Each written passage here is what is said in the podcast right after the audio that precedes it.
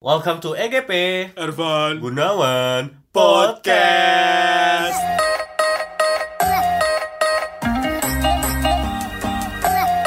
Oke, bolehlah tambah variasi ya untuk intronya. Em, ya jadi eh, kita hari ini bakal ngomongin em, topik yang apa ya? Mungkin saya rasa teman-teman semua juga pasti sering mikirin gitu ya. Em, ini sebenarnya berasal dari satu quote. Ya. Topik hari ini tuh termotivasi dari satu quote Sebentar, sebentar. Kenapa kita pakai quotes di awal ya? Em, biarkan Ada apa ini? Ini cuaca emang lagi mendung sih by the way. Hari ini lagi mendung. Kan Seperti kamu bilang tadi, ini kan lebih kayak biar formal. Jadi eh, ada struktur kita. Struktur ya, podcastnya struktur. Oke, baik, Hmm, baik, harus baik. rapi, tidak Baik. berantakan, tidak lompat-lompat seperti Baik, itu ya. baik, Ya, siap. kita lihat aja seberapa betahnya ya. Tinggal tunggu aja bentar kita udah loncat-loncat nih obrolannya. nah, eh, ini topiknya dari eh, Jack Ma. Siapa itu Jack Ma, Van? Jack Ma adalah pendiri Alibaba Hmm, yang ditolak kerja di Kentucky, KFC. KFC. I went to even, even the uh, KFC. When KFC came to China, come to my city, 20, 24 people went for the job. 23 people were accepted. I was the only one guy. Oke, setuju. Enggak, tapi by the way maksud gue dia orang yang sangat in- inspirasional ya. Iya. Banyak pekerjaan yang kalau kalian ada baca cerita awal dia bangun Alibaba itu sangat-sangat inspirasional sih. Di mana hanya 15 orang ya. Kemudian gimana cara mereka bersusah payah memperkenalkan produk yang belum sebenarnya belum belum waktunya untuk bag- untuk diluncurkan.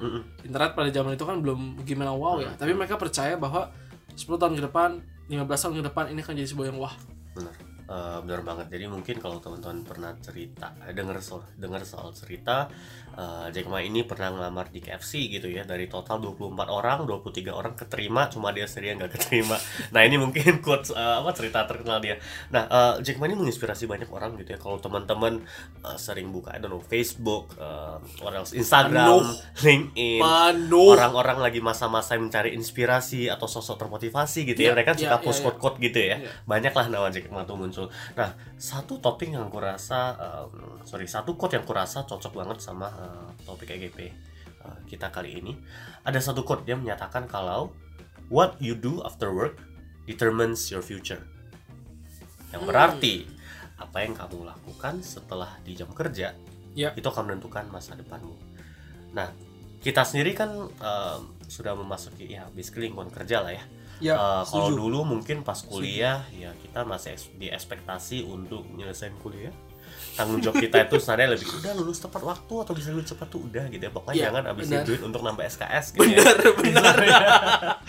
nah em, mungkin kita eh, nggak terlalu mikirin kayak oke selain kuliah kita mau ngapain lagi sih udah kuliah mungkin pulang have fun kerjain tugas Ya. persiapan buat kuis atau buat ujian gitu ya nah tapi setelah kita lulus kuliah masuk dunia kerja kita bisa menentukan apa yang kita bisa lakukan setelah jam kerja. Ya. Ini dengan eh, ini ya maksudnya dengan konteks saya rasa eh, sebagian besar orang kalau eh, sudah lulus kuliah pasti meluangkan eh, let's say waktunya dari jam pagi sampai jam let's say what, sore ke malam around 5 or 6 itu untuk fokus ke kerjanya mau kerja Ya. kantoran mau bisnis nah tapi setelah jam 6 itu like what do you do gitu kan Eh, so fun menurut lu gimana fun kayak sebenarnya penting gak sih um, you know mencari kegiatan uh, setelah jam uh, kerja atau ya udah kan udah capek kerja gitu ya istirahat aja deh atau have fun Netflix and chill gitu ya misalnya Kalau jomblo gimana, Gun? Uh, Netflix and uh, cry Oke, em, penting sih. Sangat sangat penting. Sangat sangat sangat sangat sangat sangat sangat sangat Oke. sangat penting. pangkat berapa tadi itu ya Mbak Ria? Ah, gue udah lupa ya. istilah-istilah mat sih. Oke Eh, kenapa penting? Karena buat prinsip gue adalah di waktu yang bersamaan gue nggak boleh atau nggak bisa belajar atau mendapat ilmu hanya satu. Mm. Sebisa mungkin harus bisa memaksimalkan waktu. Mm.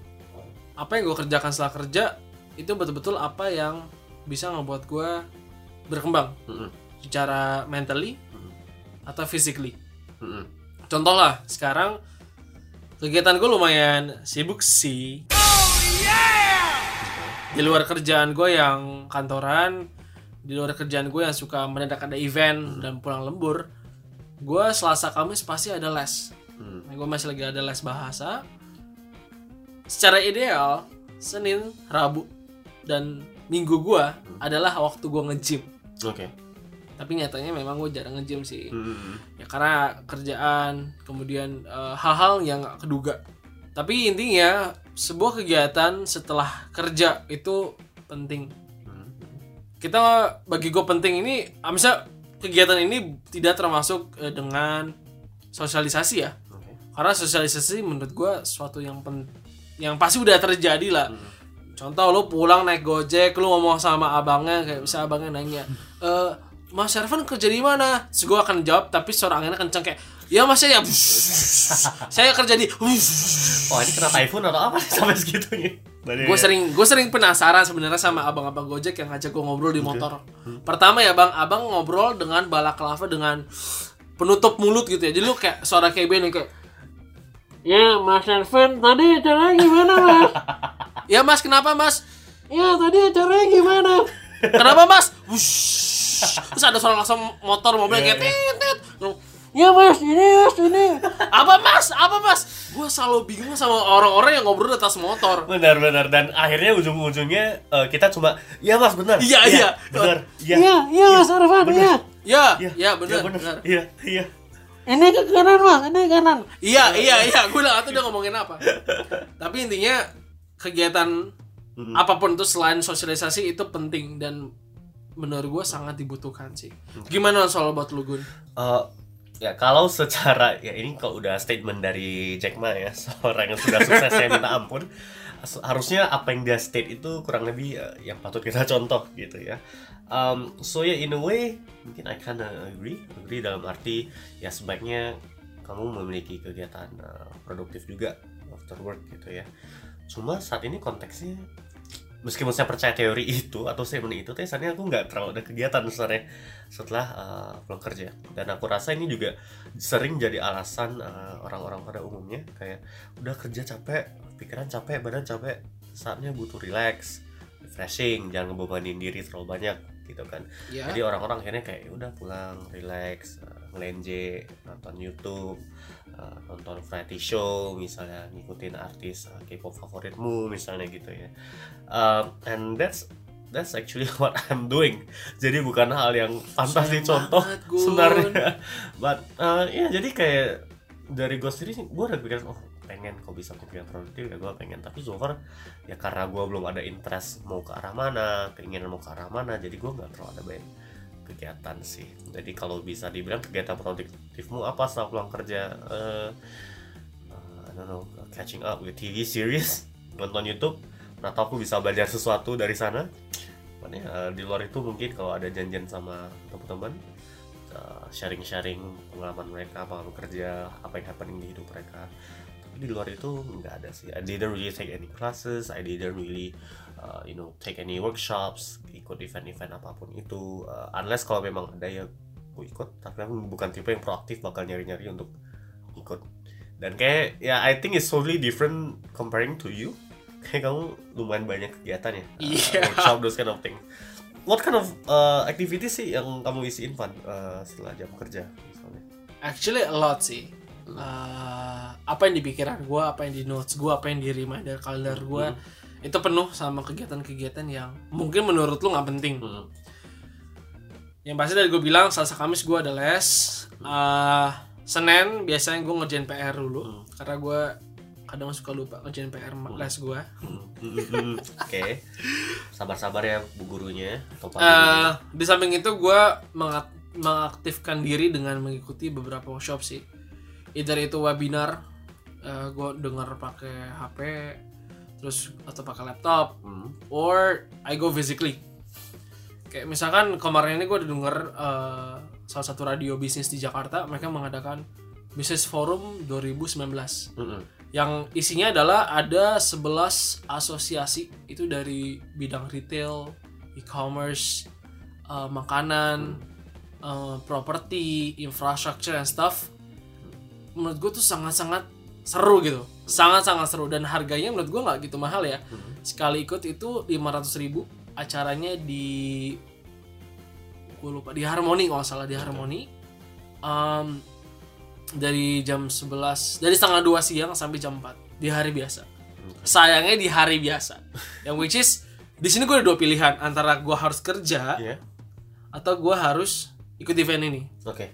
dan menurut gue ini event yang sangat bagus.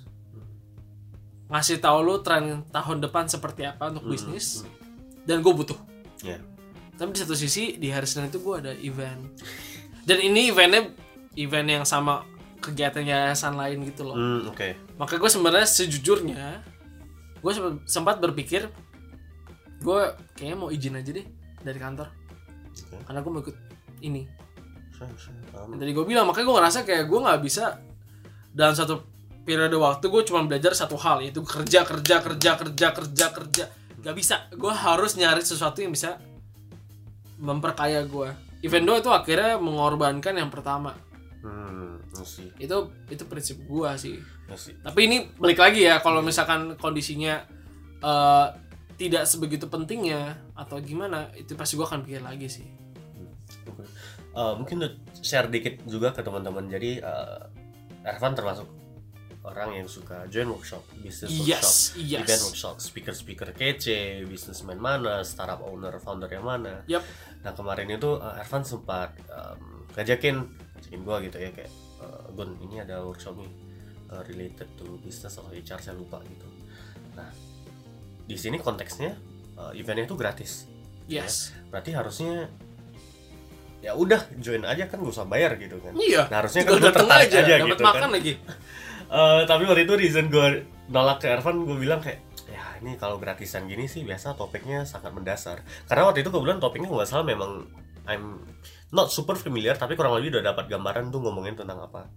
Gitu. Lalu eh, dengan reasoning itu gue bilang ke Ervan enggak lah mending gue di rumah istirahat. You know this kind of things yang kayak jadinya wah gila ini mungkin teman-teman jadi ngerasa "Ih, gila Gunawan ya nggak produktif banget ya. Giliran ada kegiatan yang bisa ngebantu atau nginspirasi mentang-mentang gratis dan dengan asumsi dia harusnya topik yang nggak menarik atau terlalu mendasar jadi nggak mau ikut. Um, yeah so I guess that's a bit of difference uh, from our side gitu. Mungkin bisa dijelasin sih Gun. Eh, maksud gua memang topiknya saat itu memang mungkin ya sama lu nggak gitu cocok ya. Hmm. tapi lu pernah nggak sih kepikiran kayak dengan gue ikut event ini gue bisa ketemu kenalan baru secara profesional ya Hmm. gue bisa hmm, I don't know buka usaha baru dari pembicara ini. Hmm. maksud gue lu ada sempat mikir hal lain gak sih pas gue nawarin itu? To be honest gue nggak mikir ke arah sana sih. Oh ya? To be honest I think we have such a different mind dan kayak karena waktu itu karena topiknya kan related to HR or something gue langsung mikirin ini gue bisa belajar apa dari sini. Jadi gue nggak terlalu mikirin Side- side dishnya lah ya. ya hal-hal lain yang ada di sana yang sebenarnya ya I can say kayak orang ngikut ginian tuh sebenarnya tujuannya selain memang dapat ilmu juga koneksinya itu sendiri Yeah, ya di sana yeah, yeah. networkingnya so yeah I think that's one thing that ya aku baru realize juga ya kenapa nggak mikirin ke sana yeah uh, maybe in the future kalau ada event lagi Maybe. mungkin gue akan akan mempertimbangkan sih. ke sisi sana gitu ya Uh, nah aku nggak tahu nih teman-teman sendiri uh, biasanya do you do you guys have any you know uh, things that you guys do after work hours apalagi teman-teman yang biasa tinggalnya jauh ya. Jadi maksudnya pulang kerja udah jam 6an Yap. kemut di jalan bisa 2-3 jam gitu. Kan banyak sih waktunya dikit banget gitu ya maksudnya teman-teman sendiri. Apakah tipe yang udah mending istirahat aja? Atau bahkan teman ada uh, ikut course atau ikut I know you guys learn something uh, di di di masa-masa itu. Kayak gitu. Em, nah selain itu nih Van kayak sebenarnya kan ada sedikit ini ya uh, what do you call it Em, apa sih? Mungkin satu reason uh, ketika kenapa uh, teman-teman di luar itu termasuk Irfan sendiri willing to spend times untuk uh, melakukan kegiatan setelah jam kerja itu adalah bisa berapa hal. Salah satunya adalah untuk nambah technical skill skill kamu yang nanti bisa ngebantu kamu di karir kamu atau karir kamu oke ke depan. oke. Kayak gue ada uh, teman gitu ya dia itu backgroundnya sebenarnya lebih ke uh, apa nggak salah desain. Desain? Jadi desain uh, graphic design gitu Oke. kan. Tapi karena makin ke sini kan era kita lebih ke tech ya. Jadi Mhm. sebenarnya uh, kapabilitas kamu untuk bisa coding belajar you know IT those kind of things Yeah, creating yeah, software itu sangat beneficial. Dan akhirnya temanku ini di meskipun seharian dia kadang sering lembur juga dia akan menyisakan waktu di seminggu berapa hari gitu ngambil course online course gitu ya. Mhm. To take that uh, learn how to do programming gitu. Dan akhirnya saat ini nice. dia bisa mengkombinasikan kapabilitas dia di desain dengan uh, programming. Ya, akhirnya ya itu dia bisa uh, uh, do UI UX kalau misalnya kau pernah dengar gitu basically uh, you do uh, designing? Basically UI UX adalah kalau misalnya kita menggunakan website online atau Ah. aplikasi ya gitu. Di aplikasi kita kan pasti akan muncul halamannya. Ya. lalu kayak ada oh ada menu ini menu ini. Kenapa menu ini uh, tampilannya di atas? Kenapa menu ini tampilannya di bawah? Lo ketika kita ketik menu ini kenapa dia munculnya halaman A gitu. Di Oke. halaman A kenapa? Jadi dia yang um, ngedesain nggak cuma tampilan tapi alur dari Hmm. aplikasinya itu sendiri. In which itu adalah salah satu uh, apa ya lowongan yang saat ini banyak perusahaan cari. Oh, Jadi- UI UX. ya jadi dia kayak menambah ilmu dia nggak hanya sekedar desain desain poster desain logo those kind of things. Mhm. tapi bisa ke arah uh, teknologi itu sendiri kayak gitu. So yeah I think this is the thing yang kayak pas gua tahu aja mikir oh ya juga ya. Ya kalau dengan belajar itu kayak bisa beneficial uh, for me Tapi kalau lu sendiri gimana Van? Lu pernah denger gak sih teman-teman lu atau siapa pun itu kayak biasanya mereka melakukan kegiatan apa sih after office hour yang sifatnya produktif? Hmm. kayak mungkin kalau dari gua yang sering kita dengar adalah mungkin uh, teman-teman yang ngambil S2 setelah jam kerja. Itu kan sering banget tuh ya. Uh, itu aku miss juga seorang kayak gitu udah jam kerja stres banget dia masih bisa cerna ilmu ya ilmu berat gitu ya setelah jam kerja nggak tahu deh mereka banyak makan vitamin kali ya but yeah, I don't know how about, how about you Uh, tapi first of all, Hmm. I don't think taking a master degree at the age of us now is crucial. oh wah guys yang mungkin lagi mungkin kita bisa bahas ini di topik selanjutnya atau Yeah, di yeah, yeah. mana pun ya. Yeah. Cuman maksud gue, gue nggak ngerasa it's important enough. Mm, mm, Like, uh, I better taking something more specific than just a master degree in my current state. Hmm. Hmm, untuk teman-teman gue ada sih beberapa yang mungkin karena lingkungan kita berbeda ya Gun ya. mm, setuju setuju gue punya teman-teman yang mereka pulang kantor ada teman gue anak saham Hmm. dia Oh. main saham main forex and stuff Iya. dia pulang kantor dia akan baca laporan keuangan oh nih baik dia sehari-hari itu kerjanya lebih ke tim training which is creating SOP uh, train people and stuff more like internal thing lah. Dan dia at the end of the office hour dia akan kayak istilahnya mas goanya dia safe comfort zone dia adalah dia baca laporan keuangan. Hmm. Eh, itu satu. Kemudian kedua juga ada teman gue di divisi yang sama tim training juga. Ini agak aneh sih kadang gue merasa aneh sih. Dia nggak di dia, dia dia di hari sabtu itu dia mengambil kelas workshop cara bikin kopi. Kopi? Ya. kopi minum maksudnya? Ya how to brew a coffee. Oh dan itu nggak itu nggak murah kelasnya. Itu kelasnya kayak satu juta something deh kayaknya. Dan banget. She's not a professional barista. Dan biasanya mungkin kalau minum kopi juga minumnya kayak kapal api atau yang instan lah. Uh. not really like you grind the coffee you uh, manual brew pakai V60 and stuff. Itu ribet cucinya ribet gitu loh. Tapi ngapain lu ambil kelas kayak gitu? Itu yang gua agak pertanyakan. Tapi memang mungkin kayak gua tipenya yang gua harus belajar skills yang mungkin nggak gitu penting menurut gua saat ini tapi mungkin ke depannya gua bisa pakai. Nah actually kalau ya mungkin ya wajar ya mempertanyakan apa sih lu ambil sekolah kelas brew coffee gitu ya. Uh, but in a way sih bahkan dengan orang-orang yang punya kegiatan seperti itu after office hour atau mungkin di weekend ya, gue juga amazed sih.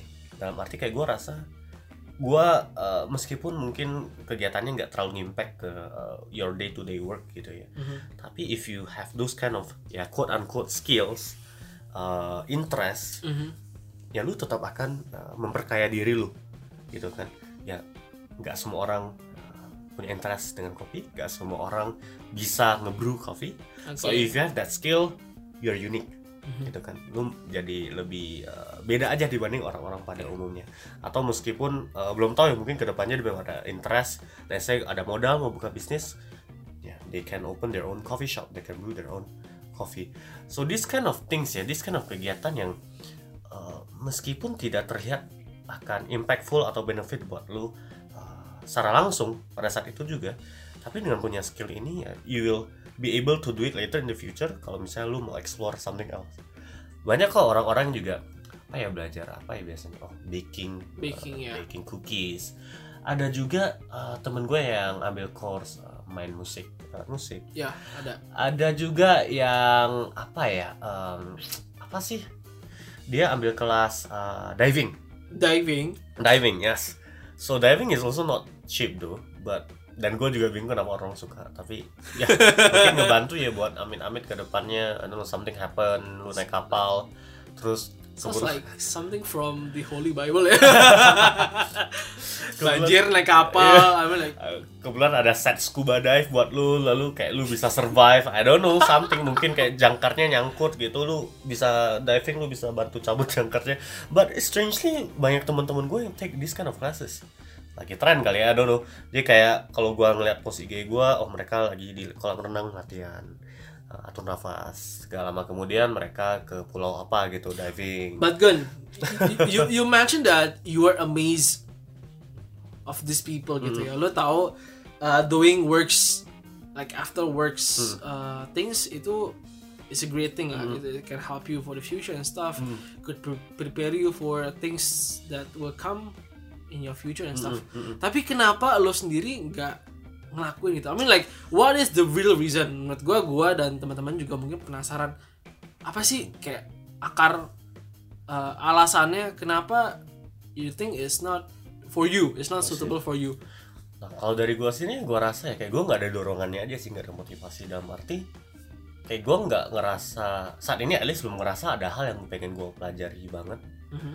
Eh, yang meskipun yang pengen gua pelajari itu kayak gua rasa cuma bisa dipelajari ketika lo di eh, jam kerja lo dalam arti your role atau let's say lo pindah kerjaan. Oke, jadi hal yang gua rasa cuma bisa di earn di jam kerja. Oke, misalnya technical skills soal HR itu sendiri yang di mana meskipun ada workshop tapi gue rasa if you can't really implement it kayak you nggak gitu terlalu bisa you know get something dari sana jadi eh, kayak dari gue akhirnya gue pilihnya ya udah beli buku aja. Beli buku. baca buku mungkin di yang mungkin after office hour mungkin nggak tahu bisa disebut productive thing atau enggak.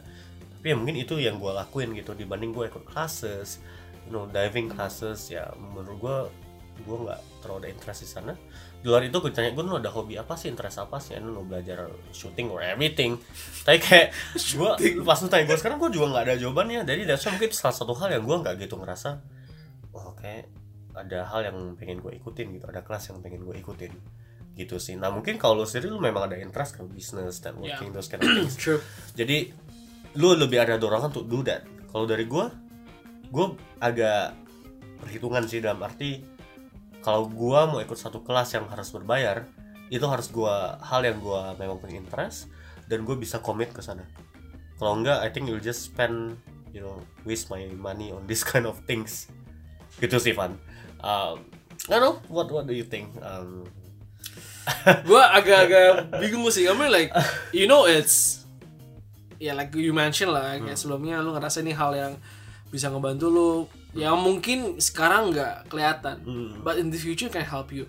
For example like small stuff lah. Uh, small juga sih cuman for example like learning new techniques on earning money atau earning incomes. Uh, kalau buat gue sekarang gue punya alokasi budget buat gue uh, belajar investasi saham. Hmm. it's not cheap. Maksud gue gue ada keluar uang lah beberapa ratus ribu buat ini. Kemudian ada ikut kelas juga yang kebetulan di hold sama teman gue kegiatannya dan gue bisa kayak belajar langsung sama dia. Tapi um, ngomong apa ya tadi ya? Tapi maksud gue basically ini adalah hal-hal yang gue gak gitu interest tapi gue pengen belajar Iya sih gitu loh. Tapi kalau buat lu kayak kenapa lu nggak mau coba aja gitu loh Gun kayak like just take one classes, learn something yang maybe useful for you. Misalkan kayak gue sekarang, misalkan ada workshop how to do CPR, gue mungkin ikut. hmm. How to do uh, like lu tau gak sih orang kalau makan tuh suka selak terus yang perutnya ditekan-tekan gitu. tahu Tahu kan? Apa Maksudnya like all the things like P3K dan lain. kalau ada workshopnya gue pengen ikut.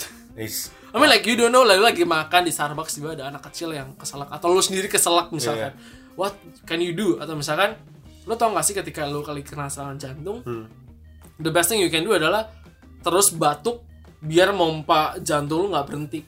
Oh, that's itu gue ada pernah baca di I don't know like either is a hoax atau enggak ya. Yeah. cuma maksud gue gue dengernya kalau lu lagi kena serangan jantung tetap batuk dengan kencang biar kayak dia mompa jantungnya I see. Enggak. Tahu kan sih. lu kayak lu nggak bisa foresee di, di di future itu kayak Gila ini kita different banget sih Kayak lu dari tadi ngomongin soal itu gue sambil mikir Ngapain gue ngambil gituan ya Maksudnya kayak gue gak bisa really see myself doing those Kayak itu gak really implement CPR itu sih important loh gitu lu nggak tahu mungkin um, lu lagi di jalan terus ketemu ada someone just fall down and got heart attack atau ngapain dan lu kayak lu nggak bisa apa-ngapain gitu loh. I don't know though Kayak gue gak ngerasa itu kegiatan yang Menurut gue berguna aja buat gue ya. Ya know, mungkin nolong orang mulia gitu ya Tapi kayak berapa sih persentase itu terjadi gitu? Dan you, you going to spend your money To take that class atau take that workshop. Kayak buat apa gitu? Gak sih kayak gue Kalau ada satu workshop yang gue gak ngerasa itu beneficial buat gue saat ini Literally gue gak akan ambil Sama sekali. Kayak WTF gitu. Kayak bahkan brew coffee ya kayak ih ngapain sih bikin kopi? Kan ada kopi bubuk ya. Atau dulu kan lu bayar orang tinggal orang bikin kopi ya. Lu pergi koi gitu misalnya bikin kopi enak gitu ada bubble bubblenya gitu. The feel is different Gunawan. The feel is different. Karena gue juga ada manual brew gue ada beli grinder dan beli dan lain-lain. Dan gue nggak belajar sih. Cuman I mean gue nggak berbayar untuk belajar tapi brew sendiri sama di brew orang tuh beda. Emang punya yang di brew sendiri biasanya lebih nggak enak sih. Cuman kayak well it's your handcraft that product gitu loh. Kayak eh, kayak so far hal yang sifatnya technical skill. Gitu ya kayak technical skill skill iya, yang iya. menggunakan tangan building sim gue nggak ada gambaran sih. Kalau gue tertariknya misalnya kayak knowledge eh, kayak dan gue rasa gue bisa dapat itu either dari buku atau dari YouTube gitu gue nonton. Kayak kemarin gue habis nonton soal eh, fisika ngomongin fisika. ngomongin apa kemarin ya gue lupa. Oh, the string theory gitu. Teori soal eh, dunia ini ada berbagai dimensi dan itu saling berhubungan. Dan gue akhirnya nonton itu. Itu random banget. Gue setuju random banget. Dan gue yakin kayak lu bakal ngerasa hal yang gue rasain kayak Oke, oke. ngapain gue belajar ginian? Ngapain iya gua makanya gue bilang baru apa lu nggak maksud gue oke eh, kita berdua sama-sama suka nonton YouTube lu nonton seperti itu. Gue kalau nonton biasanya gue nonton how it made like Oke. kayak sequel film Discovery yang dia ngasih tahu cara bikin toothpaste cara bikin eh, tusuk gigi nah cara itu bikin gue yang kayak ngapain gue nonton gituan? What the Oh kayak my buat apa itu, gue tahu itu kayak knowledgeable banget loh kayak menurut gue teori fisika gitu soal eksistensi dunia ini sendiri universe ini sendiri gue lebih menarik man. kayak man kita eksis kita doing things right now. You know kayak kita bisa ngelihat something wujud something eksistensi bumi ini sendiri apa asal usulnya apa unsur terkecilnya itu kayak menurut gue oh, mind blowing banget Gak penting gue Gak penting. Bahkan itu yang kayak ngubah mindset gue kalau uh, we don't need to take things so seriously in this world karena kita itu hanya sepercik sebiji lebih kecil dari atom makhluk sekecil itu dan mending kita mikirin hal yang bisa impact buat dunia ini Enggak, enggak, itu terlalu idealis sih menurut gue Maksud gue Oke, it's mind blowing and stuff Tapi Lu mengetahui hal seperti itu It doesn't really change you gitu loh. Hmm, Dengan lu tahu technical things yang kayak Do CPR and stuff You can really make things happen gitu. Makanya menurut gue CPR uh, Terus yang Tau gak sih kalau orang berenang Kalau lap terus lu langsung kayak kasih nafas buatan Kayak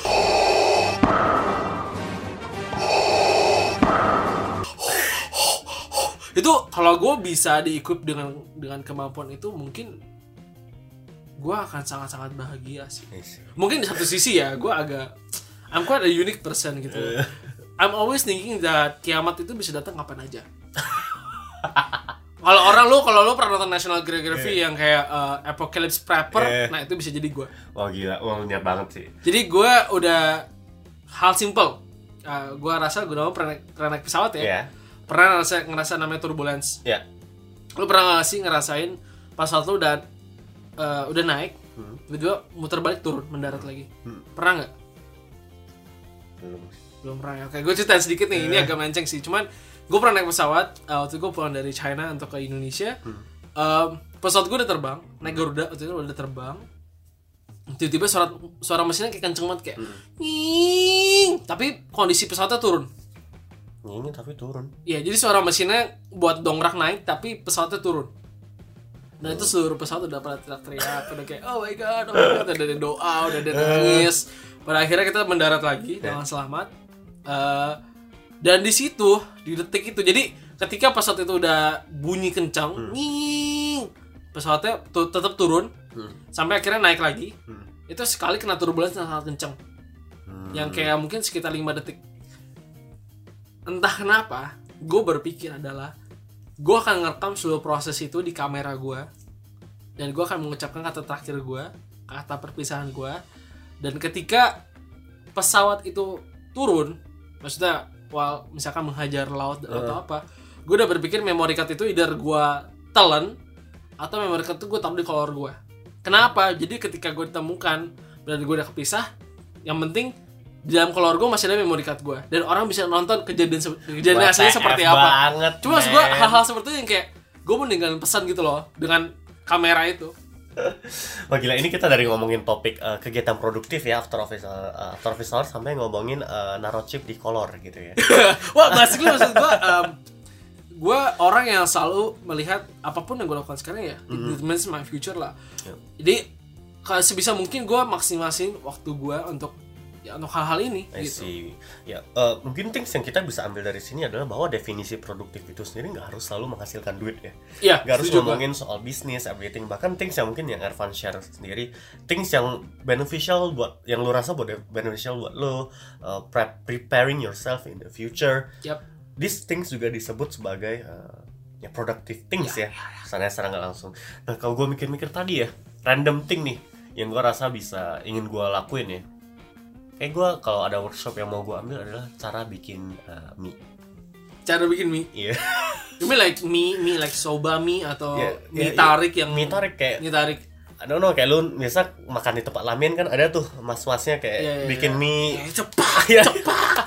I know, I know. itu kayak ya, mungkin random things yang gue rasa pengen gue lakuin karena gue suka makan mie jadi mungkin ke depannya karena gue suka makan mie eh, ini bisa kau pelajarin dan gue mungkin ke depannya gue bikin toko mie sendiri mungkin ya Mie Gunawan. ya I don't know. Mie eh, doi yang tidak eh, memiliki impian apa pun. Panjang ya? panjang ya judul tokonya ini yang makan mie yang tidak punya impian apa pun gitu ya But, ya think ya unik juga ya. Mungkin gue bisa testing itu sih. Kayak bisa selain ini gue bisa browsing workshop bikin mie atau mungkin gue ke tempat makan imperial ramen gitu lo mas masnya lagi bikin mie lo gue kayak nyamperin mas boleh ajarin gue gak bikin sesi um so random but ya I think uh, ini sumpah ini topik hari ini sangat random banget Lari banget sebenarnya ya.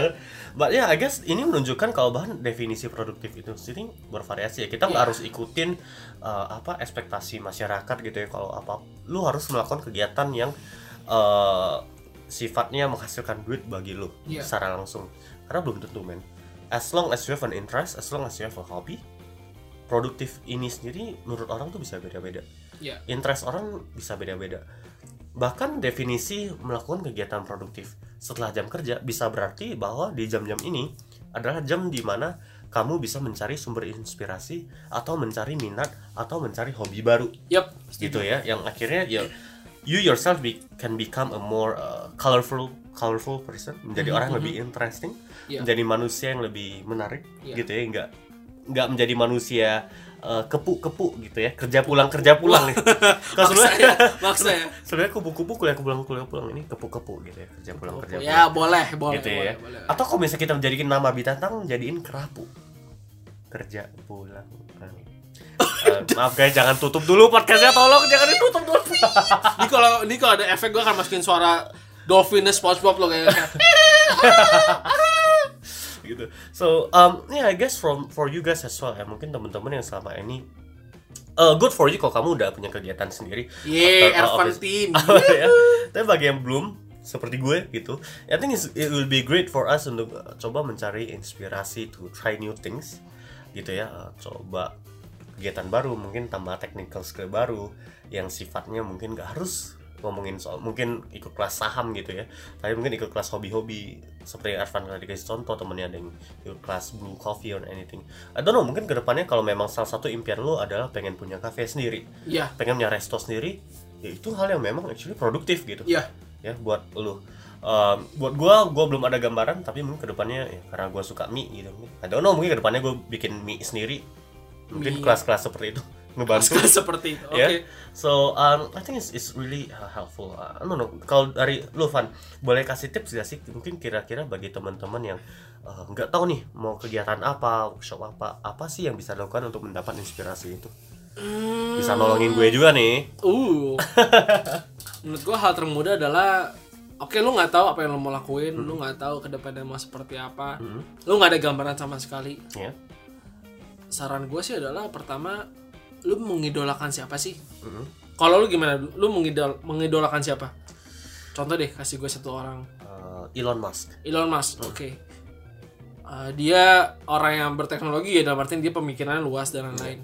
Nah di situ kita udah bisa lihat lah kalau lu memang mengidolakan dia, otomatis secara tidak sadar mungkin ada keinginan untuk menjadi seperti dia. Mm-mm. Bisa ngubah dunia ya tadi lu bilang ya lu mau ngubah dunia. Kemudian ya Elon Musk kalau lu perhatiin juga ide-ide dia gila. Ide-ide dia gila. Mm-mm. Uh, banyak yang kayak kita dulu nggak percaya ah mobil mana bisa listrik sih dia bikin Tesla. See like eh, terus yang dia punya satu pesawat yang bisa keluar angkasa bukan sih Mm-mm. itu juga orang mikir dia gila tapi dia bisa iya nah dari sini udah kelihatan sih dari apa yang lu cari di YouTube apa yang gue nama cari di YouTube dia mencari sesuatu yang eh, mind blowing yang beda nah di sini menurut gue kalau lu udah tahu idola lu siapa Mm-mm. lu mau jadi seperti apa? Nah lu udah tahu sebenarnya apa yang harus lu cari. I see. Misalkan gue gue pengen jadi seorang pembisnis yang bisa bahasa Mandarin dengan lancar. Oke. Otomatis gue kan cari pertama bisnis lu butuh apa? Butuh koneksi. Mm-mm. gue butuh koneksi. Mm-mm. gue pembisnis yang bisa bahasa Mandarin dengan lancar. Otomatis gue harus bisa Mandarin. Mm-mm. ketiga gue harus punya partner yang bisa berbahasa Mandarin otomatis gue harus cari orang yang bisa ngajarin gue les Mandarin. Mm-mm. nah lah hal-hal seperti ini yang sebenarnya secara nggak langsung lu akan jalanin gitu. Mm-mm. kayak Gunawan ngerasa gue nggak apa-ngapain tuh di rumah cuma nonton video yang apa artinya bumi ini asal usul kehidupan ya, kayak what the fuck gitu cuman pada akhirnya kalau lo perhatiin idola lo adalah Elon Musk dan cara lo searching uh, historinya seperti itu itu sebenarnya mirip. I see. Ya ada relevansi tanpa sadar sebenarnya. Dan itu hal termudah sih lo mau jadi siapa ya udah lo lihat aja biasa Elon Musk suka nonton apa Hmm. ya lo lihat dia nonton apa Yes, Elon Musk misalkan suka, Suka bikin baca buku podcast buka baca juga. buku apa Mm-mm. buku juga termasuk penting sih Mm. dia ada rekomendasi buku apa ya baca buku dia Oke. karena ya menurut gue kalau lu berada di lingkungan yang sama seperti idola lu Hmm. dengan uh, faktor pendukung seperti buku musik dan film dan dan lain-lain Hmm. secara otomatis alam alam bawah sadar lu atau lu sendiri bisa ikutan kayak dia. Agree agree saya per- uh, I it's agree quite juga. simple actually dan mungkin satu hal yang korelasi juga adalah uh, kadang orang nggak terlalu mau um, mereka belum tahu mau ngikut workshop apa atau minat yes, apa yes. purely karena mereka nggak tahu kalau sorry workshop itu eksis atau kegiatan itu eksis atau kegiatan itu bermutu misalnya kayak uh, soal kopi deh gitu Mhm. for example kalau misalnya gue di circle orang-orang yang bukan peminum kopi Ya. gue nggak tahu kalau misalnya lu bisa uh, ada loh yang namanya kelas uh, brew coffee. Uh, yang ke depannya mungkin teman-teman let's say teman-teman uh, kita yang teman-teman gue nanti yang suka suka kopi misalnya gue hangout sama mereka mereka bakal ngomongin eh gue saking suka kopinya gue jadi pengen bisnis kopi deh. Mhm, gue jadi pengen mau punya cafe sendiri. Mhm. gitu kan. Itu yang akhirnya nge-expose ke gue oh ya gue bisa punya opsi loh ke depannya itu untuk punya coffee shop sendiri. Oke. Yang akhirnya pas gue tahu dan gue jadi mikirin kayak oh mungkin gue ada minat ke sana gue baru uh, cari tahu soal kopi dan akhirnya mungkin take workshop coffee akhirnya kegiatan gue after office hour mungkin gue lebih research coffee gitu ya Yep. baca buku tentang kopi nonton YouTube soal kopi ikut workshop soal kopi Yep. nongkrong sama barista barista gitu untuk dapat gambaran mereka Iya, iya. apa tantangan menjadi barista atau bikin kopi gitu so ya bagi teman-teman mungkin juga bisa coba berteman lebih banyak uh, bergaul dengan teman-teman yang uh, di luar circle saat ini uh, untuk dapat gambaran kayak oh, soalnya bisa lo opsi-opsi uh, karir atau opsi-opsi uh, bisnis ke depannya uh, dengan beberapa hal. Ya gitu right? setuju. Kayak for example teman gue ikut diving class setelah gue ngobrol sama dia baru gue tahu oh ternyata lu bisa loh jadi ambil sertifikat yang akhirnya lu jadi uh, berkarir untuk ngajar uh, diving class ke orang-orang lain. Oh. right? Jadi itu mungkin yang akhirnya ngedorong lu untuk ya kayak gue pengen menarik kayak kegiatan seperti itu. Jadi gue ambil deh workshop diving class. So yeah then again the conclusion is uh, the definition of productive itu bervariasi. Tentu as uh, yang disebutkan Jack Ma ya uh, benar sekali kalau apa yang kita lakukan setelah jam kerja itu actually ngedefine us. Mhm. gitu ya. Uh, we take diving class we take uh, business class. We go to workshop to socialize. We go to uh, event yang uh, isinya tentang startup startup misalnya. Mhm. Indian karena lu sering ngikut ke sana interest lu ke sana pelan-pelan arah hidup lu atau arah karir lu tuh bisa ke arah sana gitu. Atau di di hari akhir nanti lu ternyata ngebangun bisnis yang ternyata uh, awalnya itu berawal dari kegiatan yang lu lakuin sekarang. Ya. kayak gitu right yeah I guess uh, that's that's it for us today. Uh, so everyone yang bagi belum punya kegiatan quote unquote produktif uh, coba deh mulai explore kira Coba ada kegiatan lah, apa gitu. Jangan- gua juga bakal mulai nyoba ya nyari tahu Elon, Elon Musk itu dia makannya apa gitu ya. Mana Bisa tahu juga, mana bisa tahu juga. gue bisa jadi uh, melakukan kegiatan yang uh, Lihat berhubungan dengan itu. ya yang masuk Bener. ke otak kali ya. benar benar. So um yeah please uh, share us your uh, feedback juga atau share us your experience juga related to kegiatan apa sih yang lu lakuin after office hour mungkin gue bisa dapat inspirasi dari sana Siapa tahu. and yeah I guess that's all from us uh, thank you guys Thank you.